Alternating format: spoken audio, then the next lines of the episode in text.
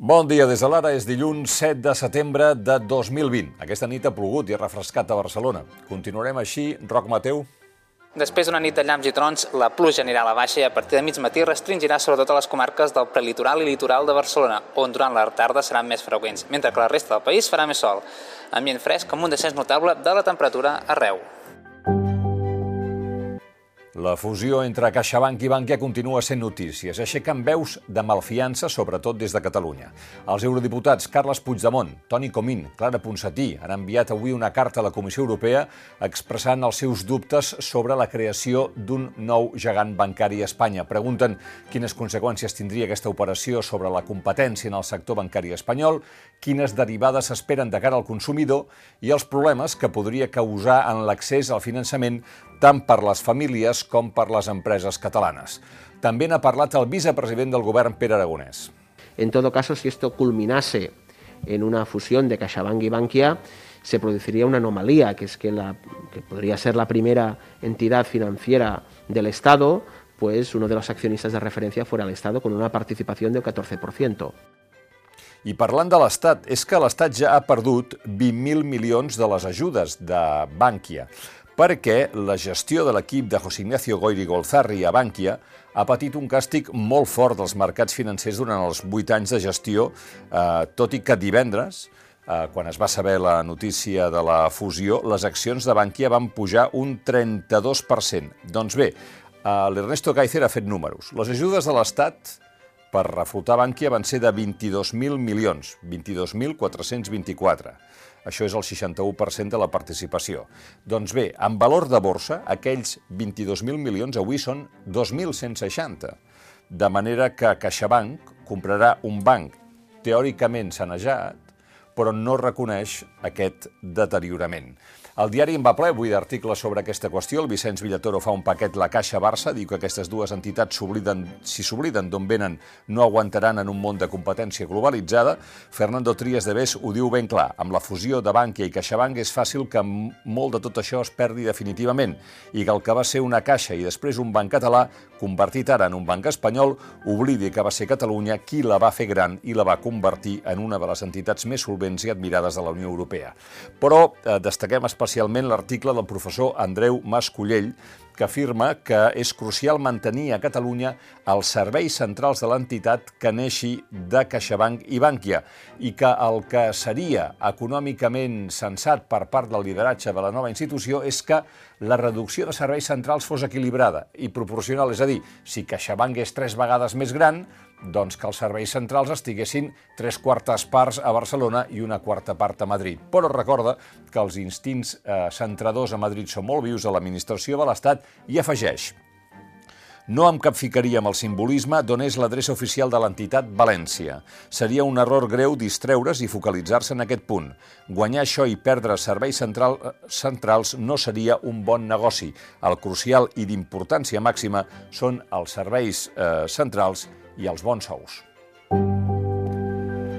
Aquest matí són notícia Oriol Junqueras i Marta Rovira, que han escrit un llibre per clarificar la proposta estratègica d'Esquerra. Es titula Tornarem a vèncer i com ho farem i redoblen l'aposta per eixamplar la base. Hem de ser més, conclouen, per exemple, a les àrees metropolitanes de Barcelona i Tarragona, on l'independentisme és capaç d'incrementar-hi la seva presència o serà molt difícil guanyar el pols a l'Estat. Per tant, conclouen, l'adversari que s'ha de batre és el PSC, insisteixen que en cap cas tornaran a repetir en un tripartit de la Generalitat i a la pregunta de com continuar creixent diuen que el pla passa per governar bé en tants llocs com es pugui. Avui s'ha de celebrar a Madrid eh, l'acte d'inauguració de l'any eh, judicial. Eh, el presideix el rei Felip. Pensin que tota la cúpula del Poder Judicial espanyol aviat farà dos anys que està en funcions, perquè PSOE i PP no es posen d'acord per renovar-la. N'ha parlat el president del grup d'Unides Podem al Congrés dels Diputats, Jaume Sens. Nosaltres creiem que s'ha d'emprendre reformes legislatives per, per poder eh, diguem-ne, evitar que els magistrats que tenen el mandat eh, caducat puguin seguir eh, prenent decisions transcendentals com són els nombraments dels principals eh, llocs de la cúpula judicial. Parlant de la justícia, Julian Assange, de 49 anys, torna aquest dilluns al Tribunal de Westminster a Londres per continuar la seva batalla legal contra l'extradició als Estats Units. En joc hi ha una sentència de 175 anys de presó arran dels 18 càrrecs a què fa front de conspiració per piratejar servidors de l'administració nord-americana i difondre informació confidencial. Es preveu que la vista s'allargui durant quatre setmanes. Fonts de la defensa del fundador de Wikileaks, consultades per l'ara, apunten que intentaran demostrar la impossibilitat que Assange rebi un judici just si finalment és eh, extradit a Washington i empresonats. En paraules de l'editor en cap de Wikileaks, Christine Haramson, el Julian lluita per la seva vida en un eh, procés, però també perquè tots els periodistes puguin fer la seva feina que en el seu cas va ser exposar els crims de guerra dels Estats Units. I mentrestant a Hong Kong la policia va detenir ahir gairebé 300 manifestants que protestaven contra la decisió del govern d'ajornar un any les eleccions parlamentàries que estaven previstes per ahir. L'executiu va justificar l'ajornament pel risc de contagi a causa de la pandèmia. Les eleccions al Consell Legislatiu són la votació més important a Hong Kong, ja que el cap de govern no és escollit per sufragi directe. Els esports. Aquesta tarda Messi ha de tornar als entrenaments del Barça després que divendres anunciés que es queda al club una temporada més i digués que el president Bartomeu no l'escolta i es dedica a tapar forats sense tenir projecte. Per cert que continua la recollida de firmes entre els socis del Barça per presentar una moció de censura contra el president Bartomeu i aquesta recollida de firmes continua a bon ritme. El termini s'acaba dimecres de la setmana que ve. Ahir es va disputar la final de la Lliga de bàsquet masculina, també la femenina.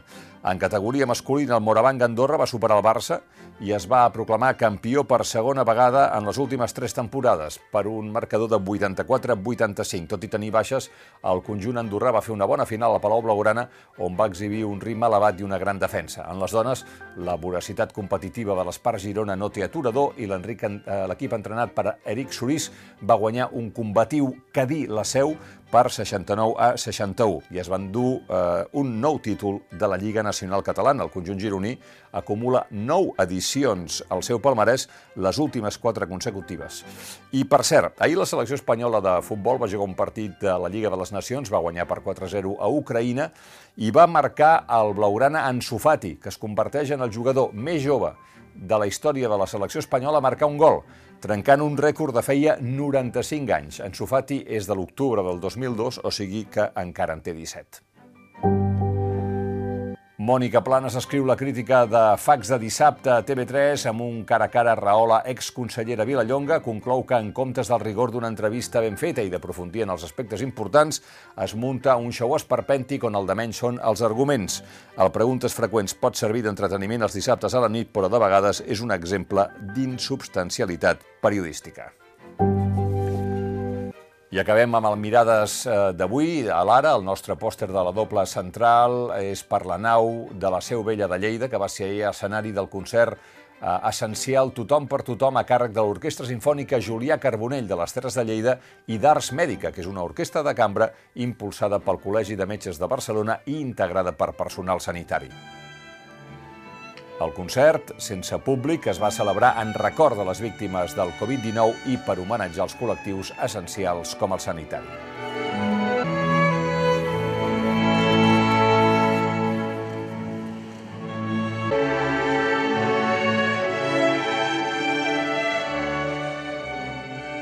Fins aquí les claus del dia. Tornem d'aquí uns minuts amb l'anàlisi de l'actualitat.